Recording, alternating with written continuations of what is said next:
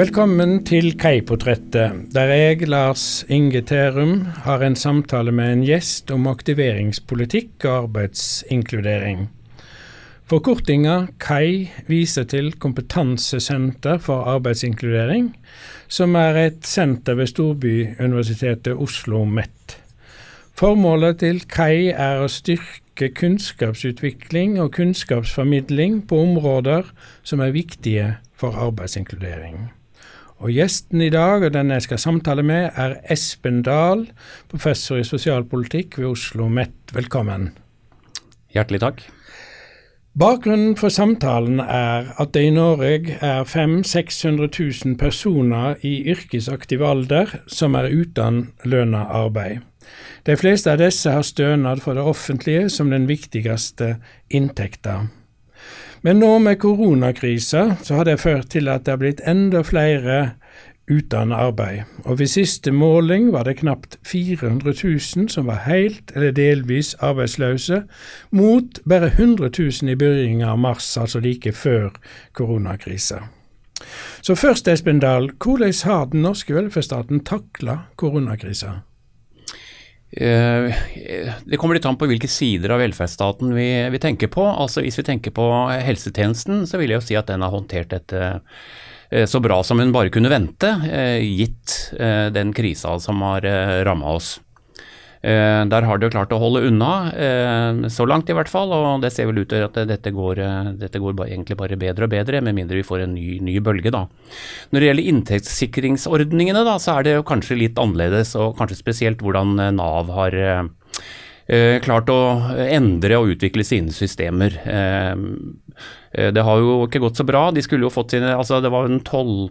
mars, ikke sant. Altså Norge stengte ned.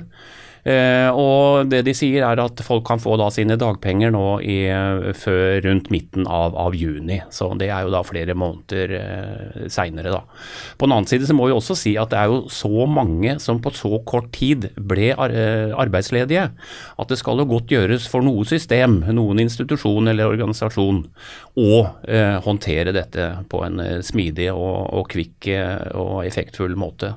Men er det sånn at dette inntektssikringssystemet systemet som vi kaller for trygdeordningene, eller er det, er det et signal om at det egentlig ikke er rusta for sånne sjokk som, som dette, så bør en tenke nytt om uh, organiseringen av Det tror jeg definitivt uh, at det er. Uh, og det viser jo også de endringene som ble gjort veldig fort over en helg av, av Stortinget. Eh, at eh, jeg tror intet system som på en måte skal hjelpe oss i det daglige og eh, i en normal situasjon, er på en måte rusta til å takle en sånn dobbel krise som vi jo kom inn i. ikke sant? Altså både helsekrise og en eh, økonomisk og sosial krise samtidig. Altså, det, skal godt gjøres å lage systemer som friksjonsfritt klarer å møte de problemene som oppstår, eh, som er så omfattende og som kommer så brått på. Nå er det noen som har uh, trukket fram at en må forenkle hele dette inntektssikringssystemet og lage noen basis, ikke garantert minsteinntekt akkurat, men noen basisinntekter, basis inntekt som folk skal være sikra som et mer allment system. Eh, hva tenker du om disse forslagene? Jo, jeg tenker på at vi har jo et ganske komplisert system, for å si det forsiktig. Det er vel svært komplisert, egentlig. Eh, ikke sant? Og vi har systemet for å takle eh, eller svare på ledighetsspørsmål, helsespørsmål, sosiale problemer. ikke sant? Og det er ulike ordninger for ulike behov og, og, og behovssituasjoner.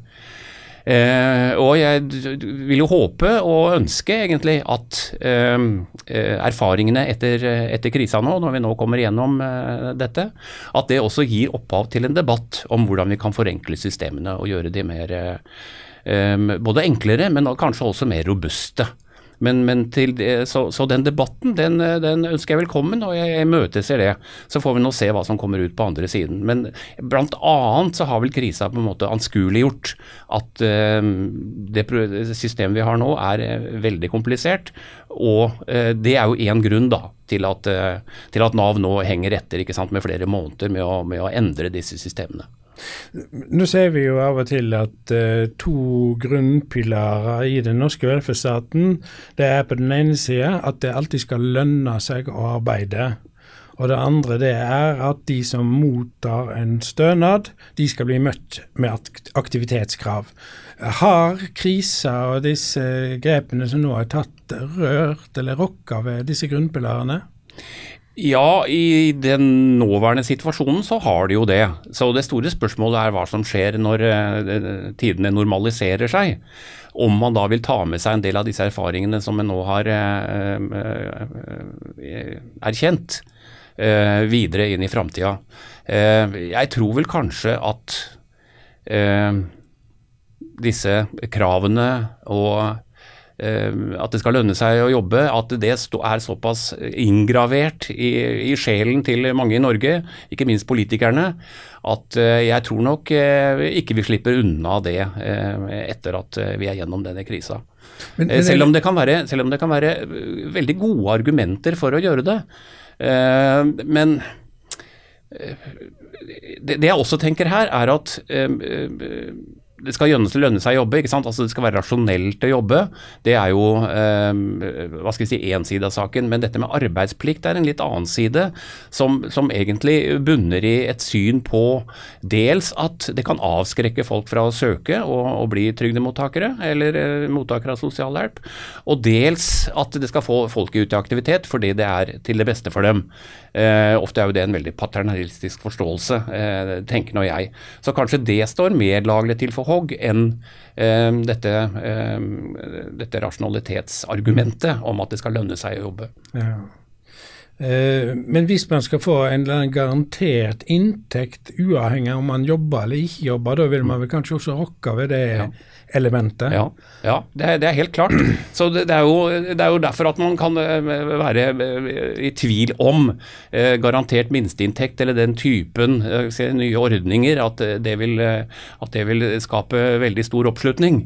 Nettopp fordi at disse hva skal vi si, kravene og ideologien, eh, etikken, stikker, stikker, veldig, stikker veldig dypt. da. Altså, Den protestantiske arbeidsetikken mm. på en måte stikker dypt i, det, i, den, i den, norske sjela, norske mm. forskersjela. Ja.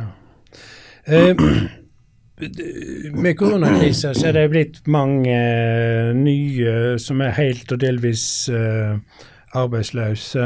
Hva vet vi om disse nye arbeidsløse? Hvem er de? Ja, Det vet vi faktisk ganske mye om. Eh, for Det ble jo veldig tidlig gjort eh, store undersøkelser med hjelp av norske registerdata.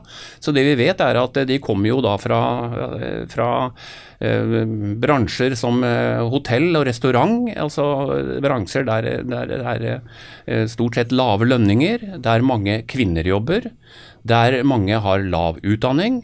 Så det er eh, det vi kan si kanskje en, en klar sånn eh, klasseskjevhet i den som eh, fram til nå er ramma.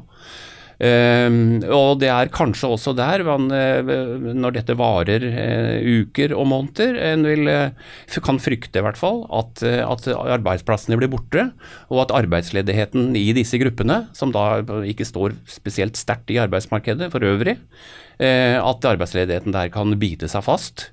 Eh, og Spesielt alvorlig er det at eh, veldig mange unge ble, ble overrepresentert da, av de som ble kasta ut i permitteringer og, og, ledighet, i hvert fall i starten.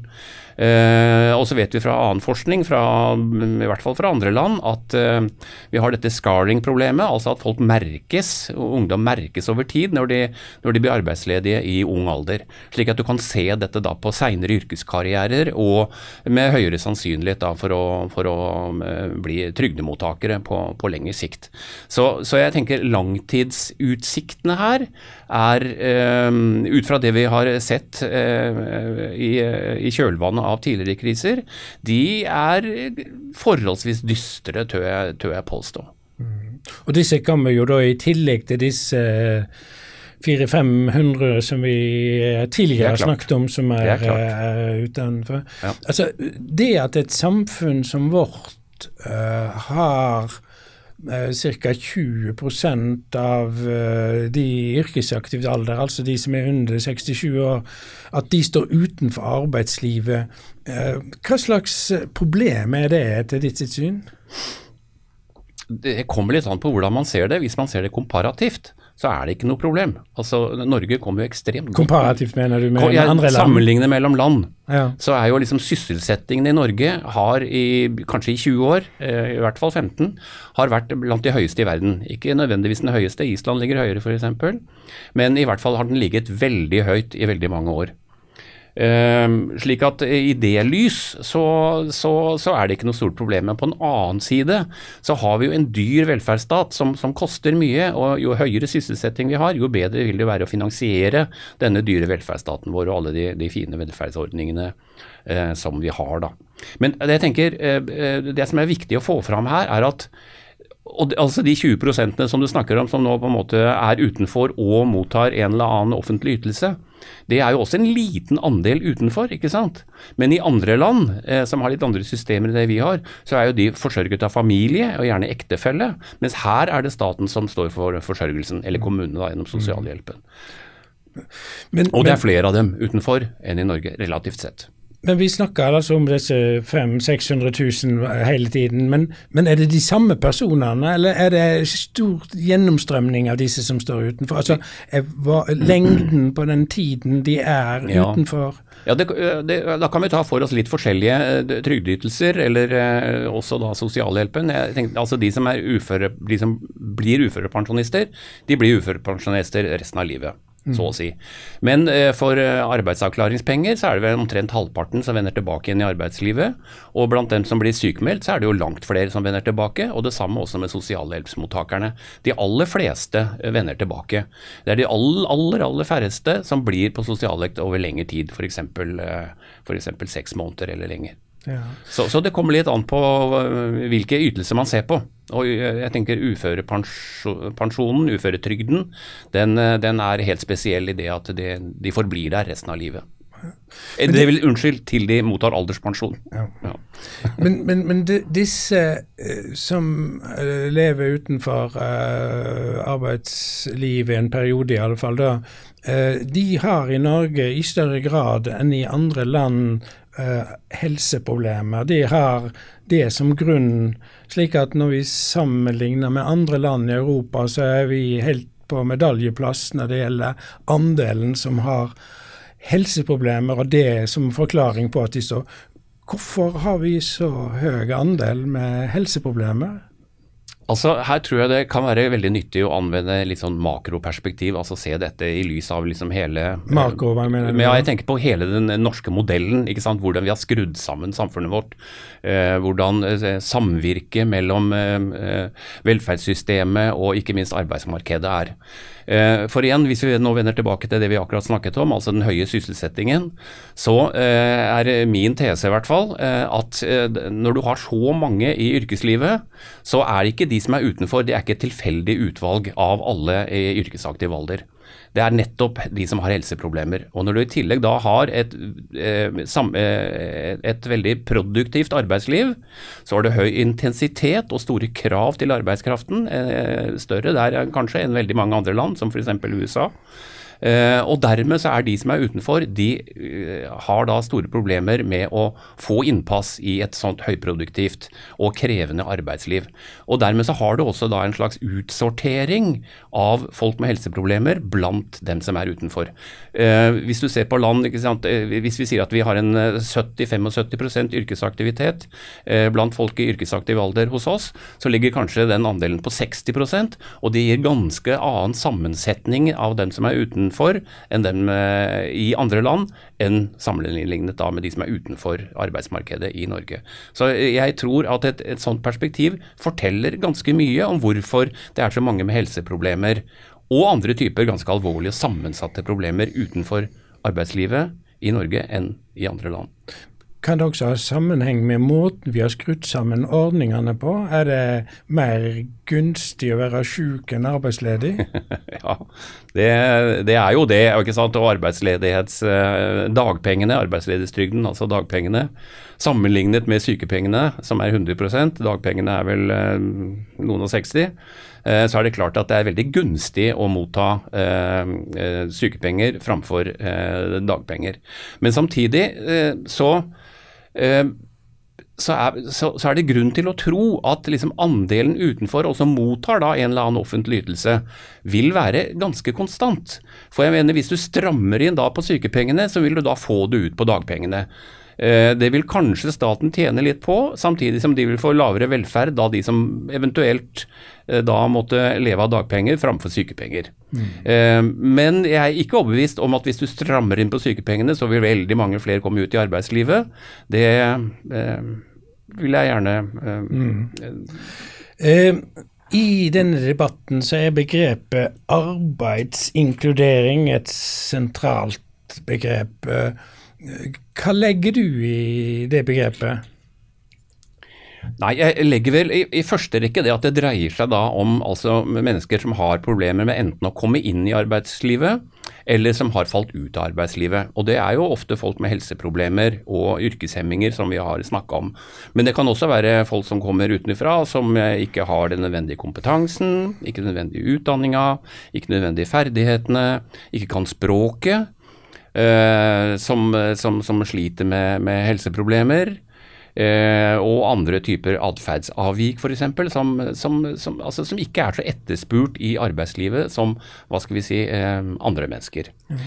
Eh, samtidig så ligger vel også i det at eh, i hvert fall en, en, en viktig et viktig innspill i denne debatten er jo det at det, man, man, trenger dels å på en måte da å utvikle eh, de som står utenfor, altså gi dem eh, f.eks. påfyll av eh, ekstra utdanning eller ekstra yrkesferdigheter. Men også er det viktig da at Nav støtter opp om å få dem inn i yrkeslivet, og kanskje eh, hjelper til med å få eh, tilpasset arbeidsplass, hjelpe også arbeidsgiver med å sørge for at folk kan liksom beholde en jobb. Ehm, for det veldig mange effektevalueringer av aktive arbeidsmarkedstiltak eh, viser jo det at vel kan man få ut, eh, folk ut i jobb, men de forblir der forholdsvis kort. Så liksom eh, en del av disse da som, som, som har eh, sliter med disse langvarige eh, problemene, de trenger en langvarig oppfølging da fra, fra, hjelpeapparatet. Og det er jo i større og større grad blitt erkjent i, i, Nav. ikke sant? Så nå prøver man jo å satse på ordninger som, som, eh, kjennetegnes da av sånn supported employment, altså arbeid med, med støtte. Men, men, alt i alt, altså du nevner jo det er mange typer tiltak man har. Eh, trenings og utdanning, og det er eh, ulike typer rettledning og støtte. og det er eh, at man eh, gir lønnstilskudd og osv. Samla, eh, hvor mye påvirker disse arbeidsinkluderingstiltakene sysselsettingsnivået i landet? Hva er effekten av, av denne innsatsen? Ja, sånn som man har Altså, den profilen man har lagt seg på, ikke sant. I hovedsak så har jo det vært å på en måte ruste opp da de individene som står utenfor. ikke sant. Det har vært hovedgrepet. Uh, I langt mindre grad har man uh, uh, på en måte rettet innsatsen mot arbeidsgiverne og gjort det smartere for arbeidsgiveren å ansette folk med, med, med disse problemene. Så eh, de tiltakene som vi nå eh, har drevet, eh, og fremdeles i hovedsak driver, tror jeg, de har vel vist seg ikke å være svært effektive mm. til å få folk inn i, inn i, inn i yrkeslivet. Eh, disse eh, arbeid, altså supported employment-tiltakene eh, har i hvert fall i, i, i, eksperimentelle studier vist seg å være langt mer effektive. Men problemet, ett problem med dem, det er jo det at de er veldig ressurskrevende. Og dessuten så er det grunn til å tro at å få dem implementert i stor skala er veldig vanskelig i et system som Nav kan det også du, altså implementert at det blir måten de blir iverksatt på av de som Ja. ja. ja. Og, og, og, men, men, kan det også være at noe kan ha effekt på kort sikt, men ikke nødvendigvis på lang sikt, eller noe kan vise liten effekt på kort sikt, men kanskje har effekt på lengre sikt? Ja, det er klart. Og det, det mener jeg det, det, viser i hvert fall studier fra andre land, særlig fra USA. Altså På kort sikt så er det sånn work first-programmer. ikke sant? Altså få folk ut så raskt som mulig. Det får folk i, i jobb eh, på kort sikt, men ikke på lengre sikt. Dermed, eh, derimot eh, programmer som gir altså litt mer human kapital, mer utdanning, det, det gir bedre resultater på, på lengre sikt og i større grad mer permanent eh, yrkesdeltagelse. Og dessuten da altså med, med, bedre vilkår, altså bedre jobber med bedre, betalt, bedre betalte jobber. I, i bunnen av det vi snakker om, ligger det vi kaller for arbeidslinja, nemlig at, og den som har prega den norske velferdspolitikken. Og Her får jo da lønnsarbeidet en veldig sentral plass.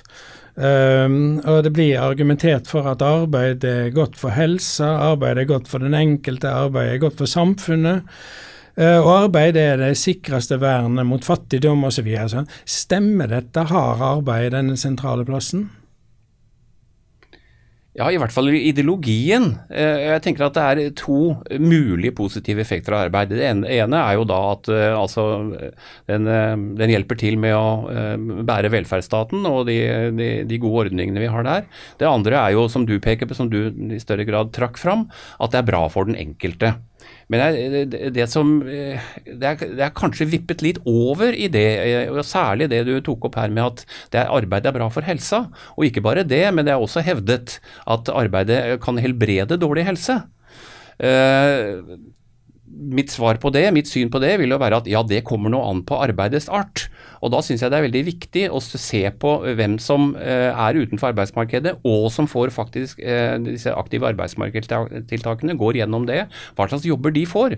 Får de jobber som kan tenkes å, å være bra for helsa di, være helsefremmende, eller får de jobber eh, som kan heller være helsehemmende eller slite på helsa di. Og Vi er jo ak akkurat i gang med å gjøre en analyse av det hos oss nå med norske registerdata. Og det vi finner er at de som forlater de aktive arbeidsmarkedstiltakene øh, på en suksessrik måte, altså de kommer ut i arbeidsmarkedet, de får veldig ofte jobber i, øh, som er, øh, har lavere status, som er ufaglærte arbeiderjobber, og som også har mye dårligere arbeidsmiljø. De er mye oftere utsatt for fysiske belastninger, som tunge løft f.eks., og også psykososiale belastninger, som at de ikke har kontroll over arbeidet sitt. Så eh, det er et stort spørsmål om da det store gross eh, som man prøver å få inn i arbeidet, faktisk kommer i arbeid som er helsefremmende, vil jeg si, basert på den undersøkelsen. Men her står man altså da overfor en utfordring, fordi man kan få folk ut av stønadssystemet og inn i arbeid, men de får de altså inn i en type arbeid som det ser ut som de ikke som varer over tid. Altså de ramler ut igjen av dette. Ja. Og da er det jo en helt annen kanskje type innsats som skal til hvis du skal arbeide med de ute i arbeidslivet? Altså Stiller ikke det helt andre krav til tiltaksapparatet? Jo, jo, det gjør det. Og jeg, altså, Disse jobbspesialistene som nå er ansatt, altså, de skal jo hjelpe til med å tilrettelegge arbeidsplassene og sørge for, eh, eller legge til rette for i hvert fall, at folk skal kunne stå eh, lenger i arbeid. Eh, lenger, ikke bare kortvarige arbeidskontrakter, men kunne stå mer varig. Men igjen betinger det at når de kommer i den typen jobber som jeg, som jeg akkurat nå har snakket om, så er det også viktig at jobbene blir tilrettelagt for, for de da som, som, som, kommer ut. Og Det er et poeng til her som er viktig å, å, å få fram, og det er jo det at de, alle, veldig mange av disse folkene har jo dårlig helse i utgangspunktet. Og når det da kommer i jobber som, eh, som, eh, som er helsebelastende, så, så, er ikke det noen spesielt gunstig kombinasjon. Men man, man snakker om bruk av trygder og sånne ting, så, så har man en slags tenkning om at uh, uansett hvor man er i livsfasen, så vil det være bedre å være i arbeid enn i enn, enn, enn, Men hvis du er 59 år og sliten og har ulike typer plager, uh, kan ikke det da være en lette å slippe å stå i arbeid videre og få en offentlig stønad og få aksept på at uh, uh, helsa di setter en stopper for videre deltaking?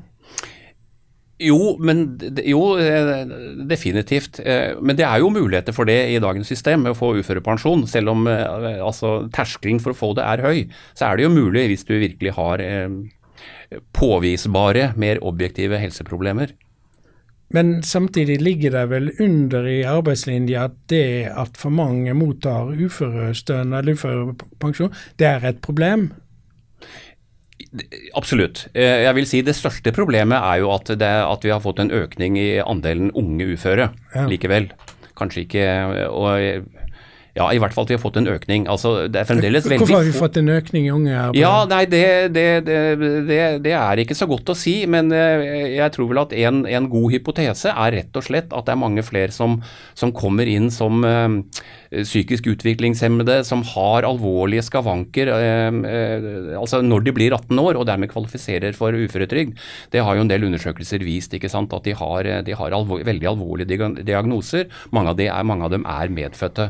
For 20-30 år siden så overlevde ikke de så lenge at de ble 18 år. Nå overlever de til å bli 18, og dermed, men de er, så, er da så alvorlig svekka, har så alvorlige diagnoser at de kvalifiserer til uføretrygd. Det tror jeg er en viktig, viktig forklaring på økningen av unge uh, unge uføre. Og En kan kanskje si, for å sette det litt på spissen, at, uh, at velferdsstaten på den måten, altså ved at disse overlever til, uh, til de blir 18 år og eldre, det er, det, er, nærmest en offer for velferdsstatens suksess, altså. At, at, at det kan skje. Samtidig så, så må jeg også føye til at dette er jo, dette er jo eh, altså, En må jo se uh, dette i relasjon til arbeidslivets krav og arbeidslivets organisering. Så hadde arbeidslivet vært mer åpne uh, for folk som sliter med alvorlige helseproblemer og ikke kan yte kanskje mer enn 30-40-50% så ville jo også de kunne antagelig gjort god, god nytte for seg i arbeidslivet. Så dette er jo ikke uavhengig av hvordan vi har organisert arbeidslivet vårt. Men er det arbeidsgiverne som bør strekke seg lengre for å det inkludere? Det er sikkert lurt. En del av dette kan nok skyldes eh, holdninger og stereotypier, men samtidig så må også staten være villig til å, til å subsidiere lønninger og, og, og, og, også gi tjenester som, som, eh, som tilrettelegger for og, som gjør det mulig for disse å komme inn i arbeidslivet. Men også tenker jeg må, må komme inn med økonomiske støtteordninger. Espen Dahl, du er sosiolog og professor ved Oslo OsloMet. Uh, hvordan kom du inn i dette forskningsfeltet? Altså, hva var veien din inn i dette uh, forskning på sosialpolitikk og stønadsordninger, helse, ulikhet osv.? Jeg skulle gjerne sagt at dette er resultat av en langsiktig og målrettet og strategisk planlegging, men det er vel ikke helt det. Nei, Men hvorfor ble du sosiolog? Ja, Det var stor interesse for samfunnsspørsmål eh, i sin tid. Men jeg skrev jo noe, en, en, hovedoppgave om noe helt annet enn dette. Men jeg, min første jobb var i Sosialdepartementet i sin tid. Eh, som en utreder der. Og da begynte, med, da begynte jeg allerede da så begynte jeg å, å se på på altså rett og slett hvordan det gikk med folk i, som var sykemeldt, hvordan det gikk med dem over tid. Og Etter den tid så har jeg egentlig alltid, eh, når jeg ser tilbake eh, og tenker litt nærmere over det, så har jeg liksom alltid vært opptatt av hvordan det går med folk. altså. Mm. I, eh, og ikke minst hvordan den norske velferdsstaten, velferdsordningene, påvirker folks karrierer og livsløp og, og livssjanser. Mm. Eh, sett bredt. Både levekår, arbeid, yrkestilknytning. Eh, og ikke minst også helse, da, og hvordan ikke minst arbeid, levekår og helse spiller sammen.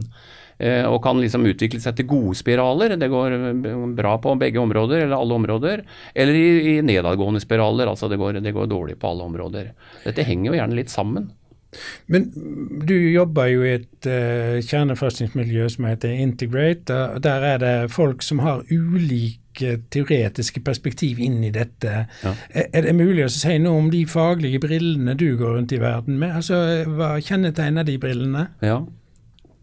Ja, nei, altså Jeg kommer jo ikke eh, unna at jeg er sosiolog ikke sant, og er opptatt eh, av aktører som handler innenfor visse strukturer. Og at eh, det kan være mye som motiverer folk til å gjøre både det ene og det andre. ikke sant? Én ting er at eh, de ønsker å oppnå noe, altså de opptre, prøver å oppnå, opptre rasjonelt. Men en annen ting er at de også er eh, styres av normer og verdier. Og alt dette foregår vi si, strukturelle rammer som både gir muligheter, men også gir Eh, gir muligheter, men også gir eh, rammer for hva man, hva man kan eh, oppnå og hvordan man kan handle. Og så, så, vil jeg også si at altså jeg er jo liksom opptatt av de, de litt lenger nede ved bordet, da. Må jeg jo si. Altså, det, det, og det er jo det Integrate handler om også. ikke sant? Det, det er liksom folk med, med, med, problemer, og ikke minst altså sammensatte problemer, som jo veldig mange av dem som er utenfor arbeidsmarkedet har. Det er ikke bare et helseproblem eller et økonomisk problem eller et uh, personlig problem. Det er veldig, veldig ofte sammensatt. Og, og fra tidlig tidlig eh, barndom og ungdom. ikke sant? Dette, dette stammer tilbake, langt tilbake i tid fra. Er det mulig å, å, å si at du uh, vil, altså Du vil jo åpenbart prøve å forstå samfunnet bedre, uh, og der, da kan man tenke at du vil forstå for å forandre. Men er, er, det, er, det, kommunikasjon inn mot det teoretiske fellesskapet som forskerne har, som er det viktige for deg, eller er det å forandre samfunnet og forandre vilkårene for de som sitter nederst ved bordet? Nei, jeg tror Veldig mye av det som driver med interesse, er vel å komme fram med ny kunnskap som er av relevans for folk som sliter. Og som praktikere, og ikke minst politikere og beslutningsfattere, kan bruke for å bedre disse vilkårene. Um, så det ligger et politisk engasjement i bunnen hos deg? Eller verdimessig, ja. foretrekker jeg å si. Ja. Um, om du som lyer er interessert i å gjøre deg mer kjent med publikasjonene til Espen Dahl, så kan du gå inn på nettsida til Kompetansesenter for arbeidsinkludering ved Oslo OsloMet, som har adressa oslomet.no om slash kai. Takk for samtalen, Espen Dahl, professor ved Oslo OsloMet. Takk for å få lov å være med på dette.